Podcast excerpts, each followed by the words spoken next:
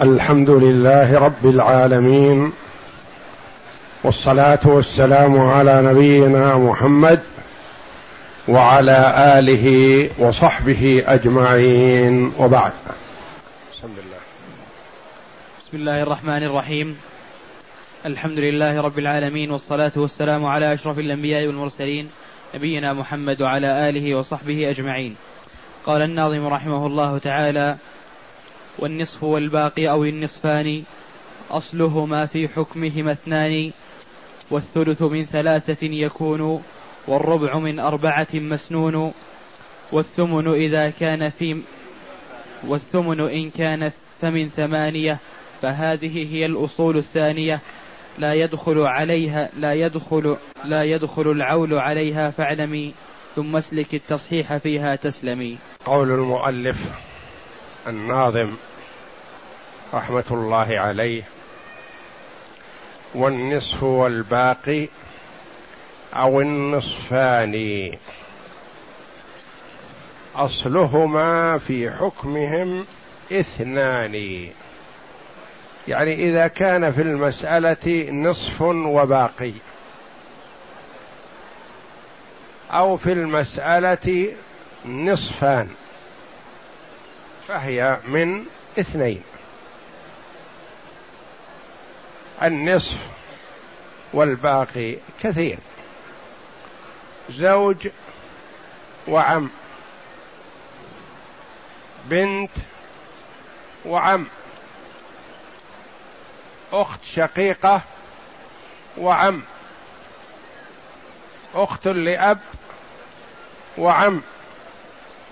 بنت بنت ابن وعم. يعني جميع أصحاب النصف. الزوج والبنت وبنت الابن والأخت الشقيقة والأخت لأب. كل واحد من هؤلاء مع عاصب عم أو أخ أو ابن عم أو ابن أخ وهكذا. هذا النصف والباقي. تقول المسألة من اثنين. للزوج النصف واحد والباقي للعاصب للبنت النصف واحد والباقي للعاصب لبنت الابن النصف واحد والباقي للعاصب وهكذا. والنصف والباقي أو النصفان. النصفان يجتمعان في مسألتين. صورتين. في زوج وأخت شقيقة. زوج وأخت لأب فقط. لو جاء واحد من أصحاب النصف غير هذا ما صارت من من من اثنين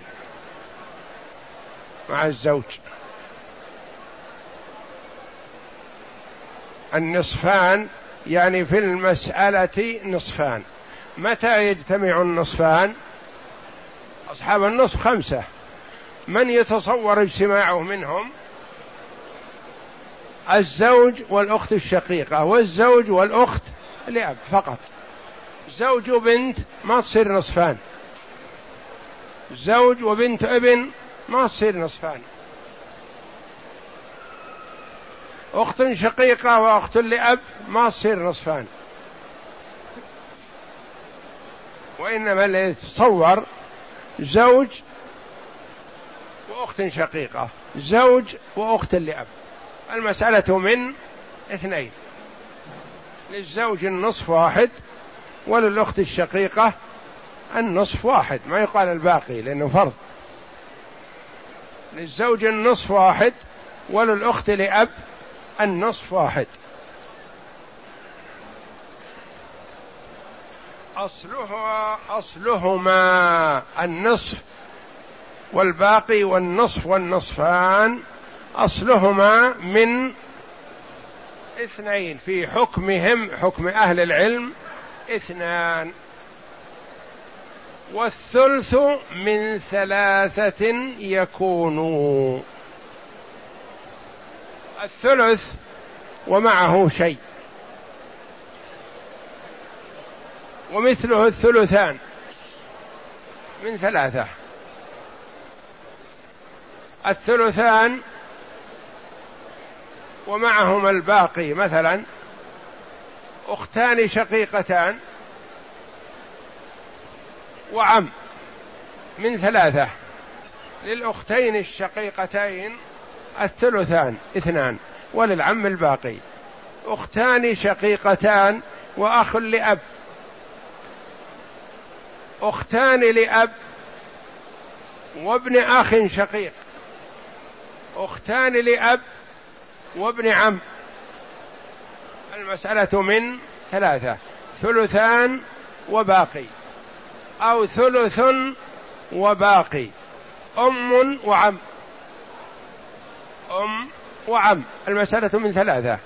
للأم الثلث والباقي للعم. يعني إذا كان في المسألة ثلث أو فيها ثلثان فقط فالمسألة حينئذ تكون من ثلاثة. ومثله إذا قلنا هلك هالك عن أختين شقيقتين وأختين لأم. المسألة من ثلاثة. فيها ثلثان للأختين الشقيقتين وثلث للأختين لأم. فمثلا الثلث وحده أو الثلثان وحدهما أو الثلثان والثلث من ثلاثة. والثلث من ثلاثة يكون والربع من أربعة مسنون. إذا كان في المسألة ربع. فقط. أو ربع وباقي. فقط. من أربعة. أو ربع ونصف. من أربعة. ربع وباقي ربع ونصف يكون من أربعة لأن مخرج الربع من أربعة والنصف داخل ضمن الأربعة. ربع وباقي هلك هالك عن زوجة وعم للزوجة الربع وللعم الباقي. الربع وباقي هلك هالك عن زوج وابن. للزوج الربع وللابن الباقي. ربع ونصف. هلك هالك عن زوجة ربع ونصف. هلك هالك عن زوج وبنت ابن. زوج وبنت ابن وباقي. للزوجة للزوج الربع لوجود الفرع الوارث ولبنت الابن النصف والباقي للعاصب. فربع فقط أو ربع ونصف. ولا يتصور الربع مع الثلثين ونحو ذلك هذه ما تكون من من أربعة.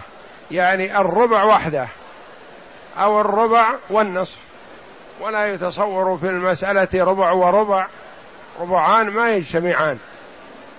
لأن الربع نصيب الزوج مع عدم الف... مع وجود الفرع الوارث ونصيب الزوجة مع عدم الفرع الوارث. فلا يجتمع في المسألة ربعان وإنما ربع وباقي أو ربع ونصف للزوج الربع ولبنت الابن النصف والباقي للعاصب وهكذا. والربع من أربعة يكون مسنون والثمن إن كان فمن ثمانية. إذا كان في المسألة ثمن فقط. أو ثمن ونصف. ثمن وباقي مثل هلك هالك عن زوجة وابن. زوجة وابن. للزوجة الثمن واحد وللابن الباقي سبعة. ثمن ونصف. هلك هالك عن زوجة وبنت أو بنت ابن من ثمانية. للزوجة الثمن واحد لوجود الفرع الوارث. ولبن للبنت النصف أربعة أو لبنت الابن النصف أربعة والباقي للعاصب. والثمن إن كان من فمن ثمانية فهذه هي الأصول الثانية. كيف الأصول الثانية؟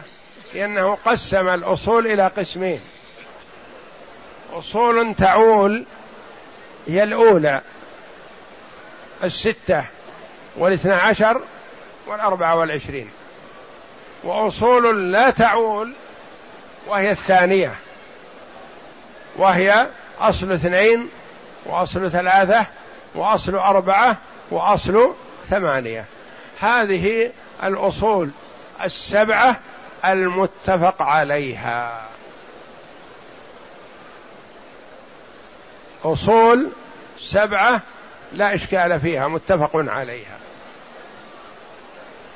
بقي أصلان مختلف فيهما. الجمهور جمهور العلماء على أنهما مصحان وليس بأصلين.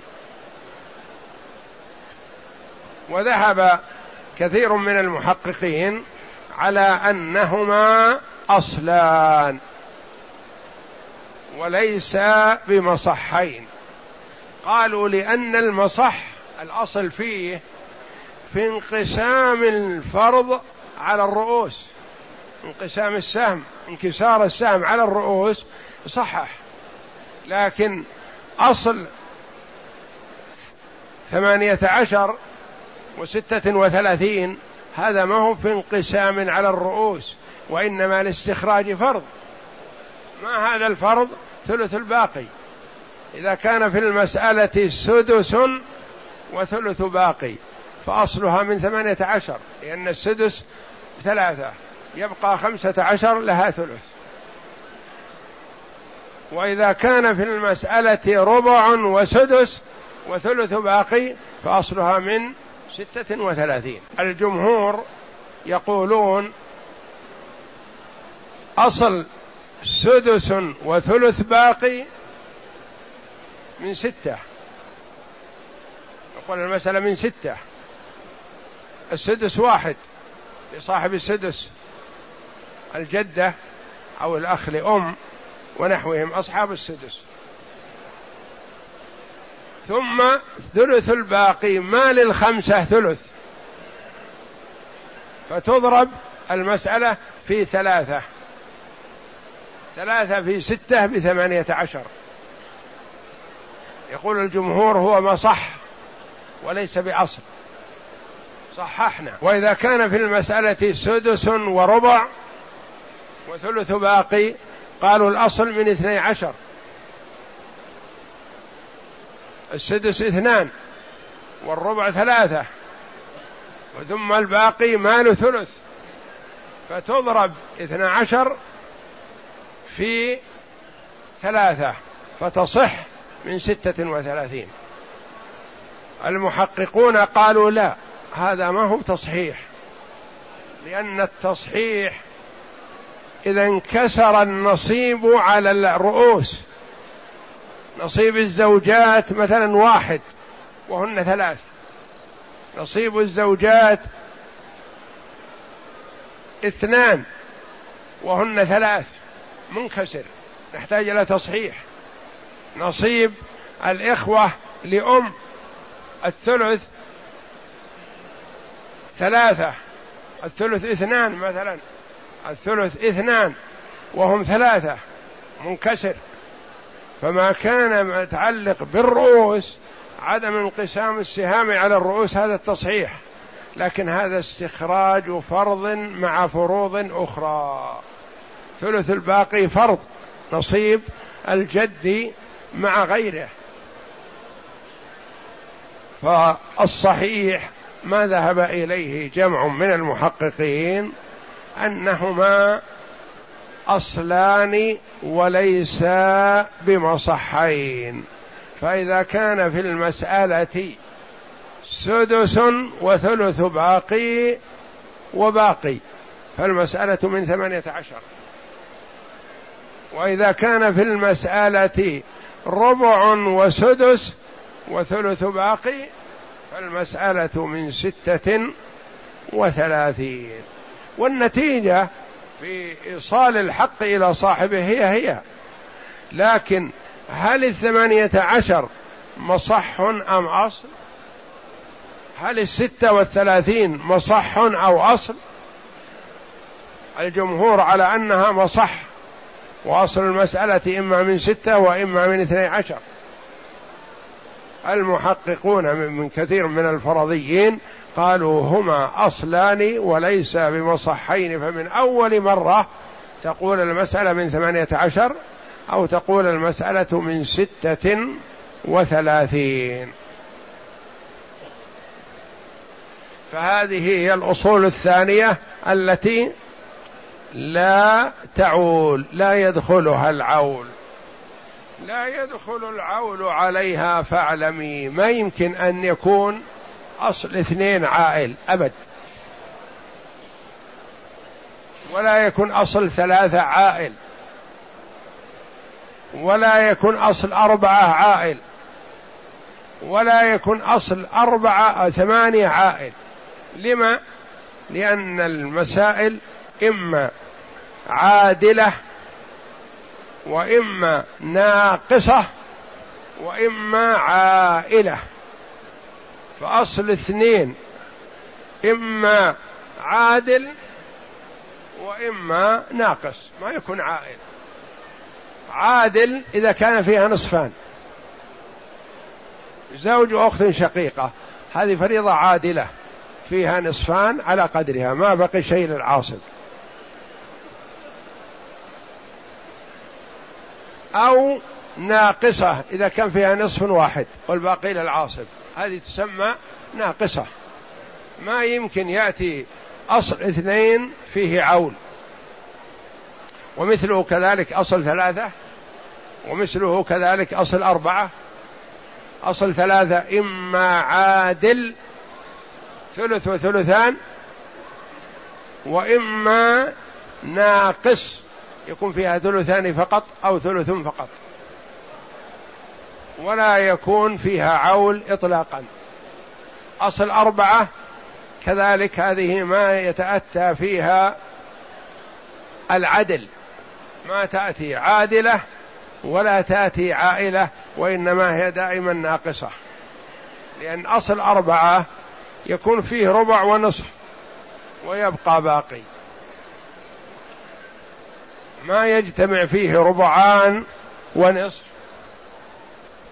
أو ثلاثة أرباع وربع يعني أربعة أرباع تكون ما يتأتى إلا ناقص لأن أكثر ما يجتمع في الأربعة ربع ونصف فقط. فالربع والنصف مخرجها من أربعة لصاحب الربع الربع ولصاحب النصف النصف ويبقى واحد من أربعة للعاصب فأصل أربعة ما يتأتى إلا ناقص. ومثله أصل ثمانية. ما يمكن تكون أصل ثمانية عادل. يعني تستكمل الفروض المسألة ما تستكملها. لأن أصل ثمانية يكون فيها ثمن وباقي. ثمن ونصف وباقي. ثمن ونصف ويكون في باقي. ثمن ولا يجتمع فيها ثمن وربع. أصل ثمانية ما يجتمع فيها ثمن وربع لأن الثمن والربع للزوج والزوجات. الزوج له الربع مع وجود الفرع الوارث والزوجات لهن الثمن مع وجود الفرع الوارث ولهن الربع مع عدم الفرع الوارث. ولا يجتمع في المسألة زوج وزوجة أو زوجات. يكون من المتوفى إذن. فأصل ثمانية لا يكون إلا ناقص. وأصل أربعة لا يكون إلا ناقص. وأصل ثلاثة يكون عادل وناقص. ولا يكون عائل. وأصل اثنين يكون عادل وناقص. عادل وناقص ولا يكون عائل. وكذلك أصل اثني عشر وأصل أصل ثمانية عشر وأصل ستة وثلاثين ما يكون عائل ولا يكون عادل وإنما يكون ناقصا. فهذه الأصول الثانية لا يدخل العول عليها فاعلمي اعلم هذا وتيقنه. ثم اسلك التصحيح فيها تسلمي. ثم اسلك التصحيح. التصحيح اسلكه تسلم من الخطأ يعني اقتصر على الأصول إذا أمكن. ولا تذهب إلى الأكثر ولا تصحح إذا صحت من أصلها. فإن لم تصح من أصلها فاسلك التصحيح حينئذ وطريقة التصحيح ستأتي إن شاء الله. أقرأ. أقول لما فرغ من بيان القسم الأول من أصول المسائل وهي الأصول الثلاثة التي تعول شرع الآن فيبين القسم الثاني وهي الأربعة التي لا تعول. فكل مسألة فيها نصف وما بقي كزوج وعم أو نصف ونصف كزوج وأخت كزوج وأخت شقيقة أو لأب. أخت ش... زوج وأخت شقيقة أو زوج وأخت لأب. يتأتى نعم. فأصلها اثنان والصورتان الأخيرتان تلقبان بالن... بالنصيفتين لأن المسألتان الأخيرتان اللي زوج أخت شقيقة وزوج وأخت لأب ليست الأولى. الأولى زوج و... وباقي زوج وعم. هذه ما تسمى بالنصفيتين لأن ما فيها إلا نصف واحد. فالنصفيتان هي زوج وأخت شقيقة.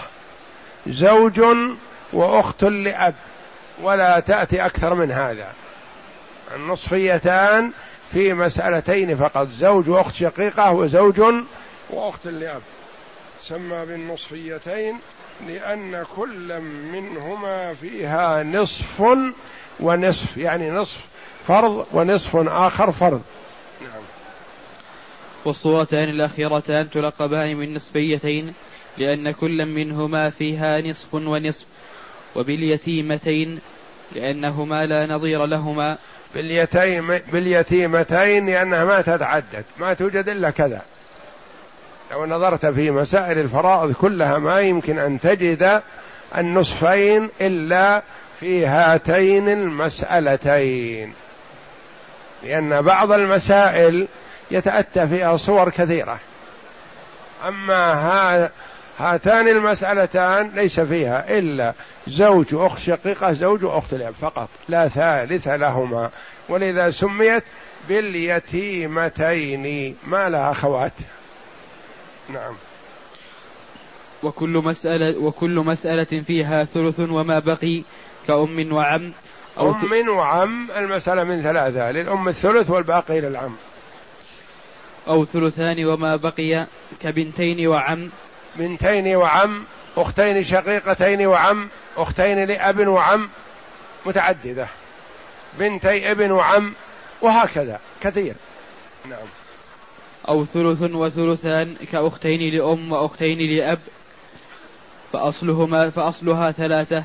أو ثلث وثلثان يجتمعان. الثلث والثلثان.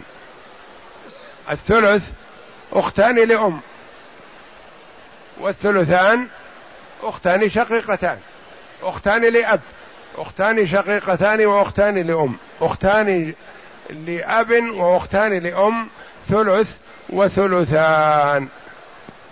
ولا يتأتى الأم تأخذ الثلث مع وجود الثلثين لأن الثلثين إذا كنا للأخوات حجبناها من الثلث إلى السدس إذا كنا للبنات حجبناها من الثلث إلى السدس. فما يتصور الأم في مع الثلثين وإنما تتصور فقط أم وعم. وإلا أم وثلثان ما يتصور. لأن الثلثان إما للبنتين وإما للأختين وإما لبنتي الإبن وإما للأختين لأب وفي هذه الحال ما تأخذ الأم الثلث وإنما تأخذ السدس. فثلث فقط وعاصب أو ثلث ثلث وعاصب فقط. أو ثلث مع الثلثين ك ثلث مع الثلثين أختين شقيقتين وأختين لأم أختين لأب وأختين لأم وهكذا. نعم. وكل مسألة فيها ربع وما بقي كزوج وابن أو ربع ونصف وما بقي كزوج وبنت عم فأصلها أربعة. كزوج وبنت وعم. فالمسألة الأولى فيها زوج وما بقي ربع و و وما بقي. زوج وابن. المسألة من أربعة.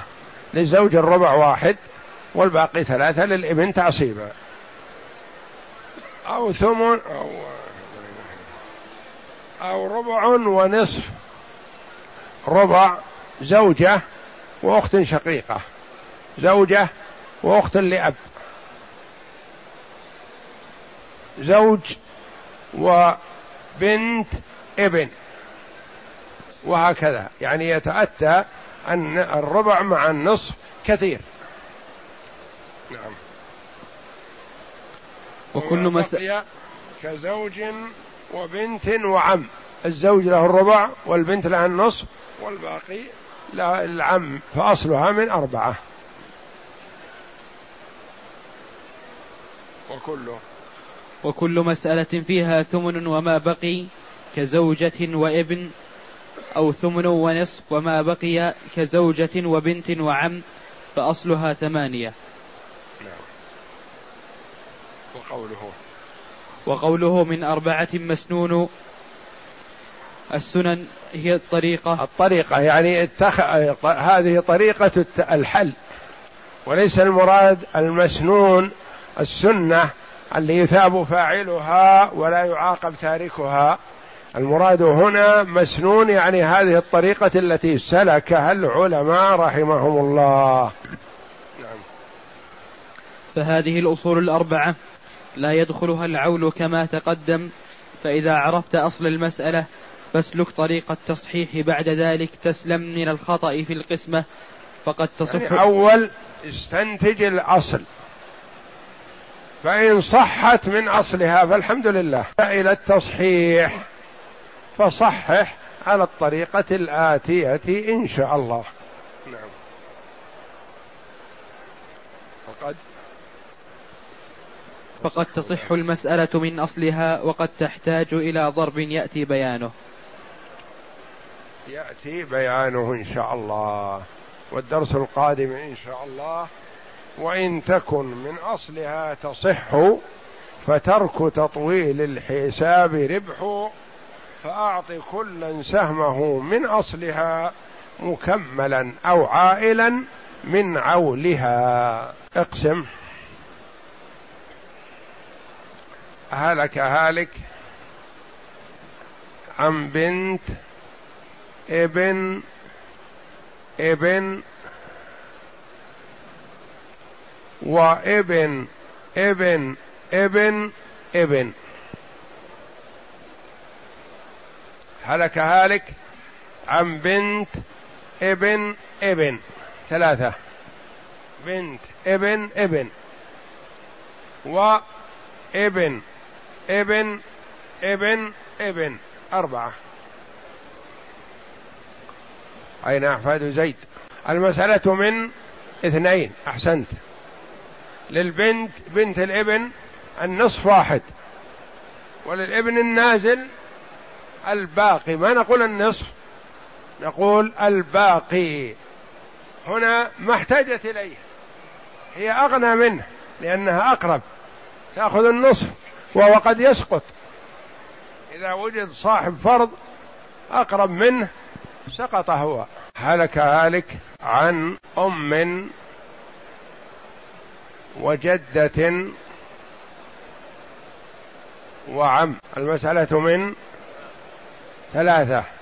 للأم الثلث واحد وللعم الباقي وليس للجدة شيء لأن فرضها أخذته الأم.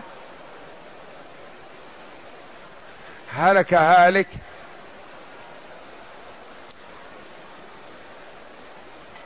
عن أم وأختين شقيقتين.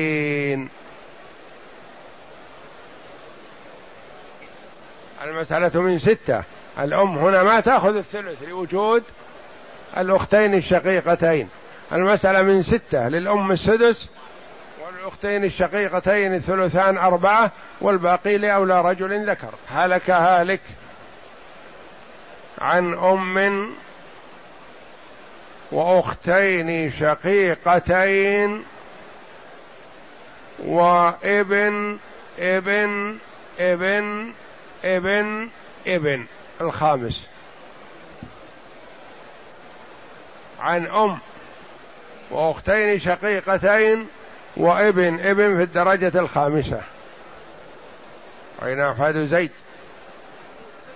المسألة من من ستة. نعم. للأم السدس واحد. المسألة من ستة صح وللأم السدس واحد صح. وما عداه. استغفر ربك. والباقي لابن الابن النازل. من جهة التقديم ثم بقربه. وبعدهما التقديم بالقوة جعله. الجهة ما تورث الأخوات مع وجود الأبناء وإن نزلوا. هلك هالك عن أم وأختين شقيقتين وابن ابن ابن عم. المسألة من ستة. للأم السدس واحد. وللأختين الشقيقتين الثلثان أربعة. والباقي لابن العم النازل. هلك هالك عن زوج وابن ابن ابن ابن ابن في الدرجة الخامسة. وأخ شقيق زوج وابن النازل في الدرجة الخامسة وأخ شقيق قريب. المسألة من أربعة. للزوج الربع واحد والباقي لابن الابن النازل وليس للأخ الشقيق شيء لأن جهة البنوة مقدمة على جهة الأخوة. هلك هالك عن أختين شقيقتين وأختين لأم وأختين لأب. المسألة من ثلاثة. للأختين لأم الثلث واحد. وللأختين الشقيقتين الثلثان اثنان وللأختين لأب ليس لهن شيء استكملت الفروض. وعرفنا أن أصل ثلاثة ما يعول. نفرض لهن السدس تكمله الثلثين الثلثين أخذت. ما بقي لهن شيء. أحسنت.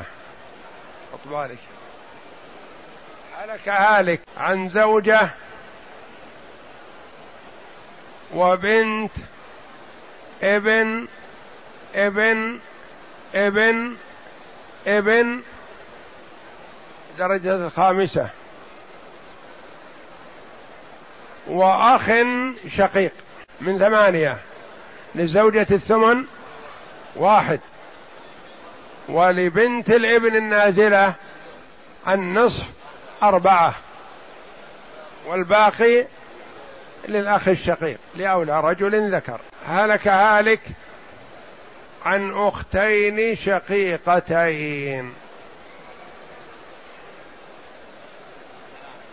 المسألة من ثلاثة ما نقول لهن لكل واحد النصف هلك هالك عن أخت شقيقة وأخت لأب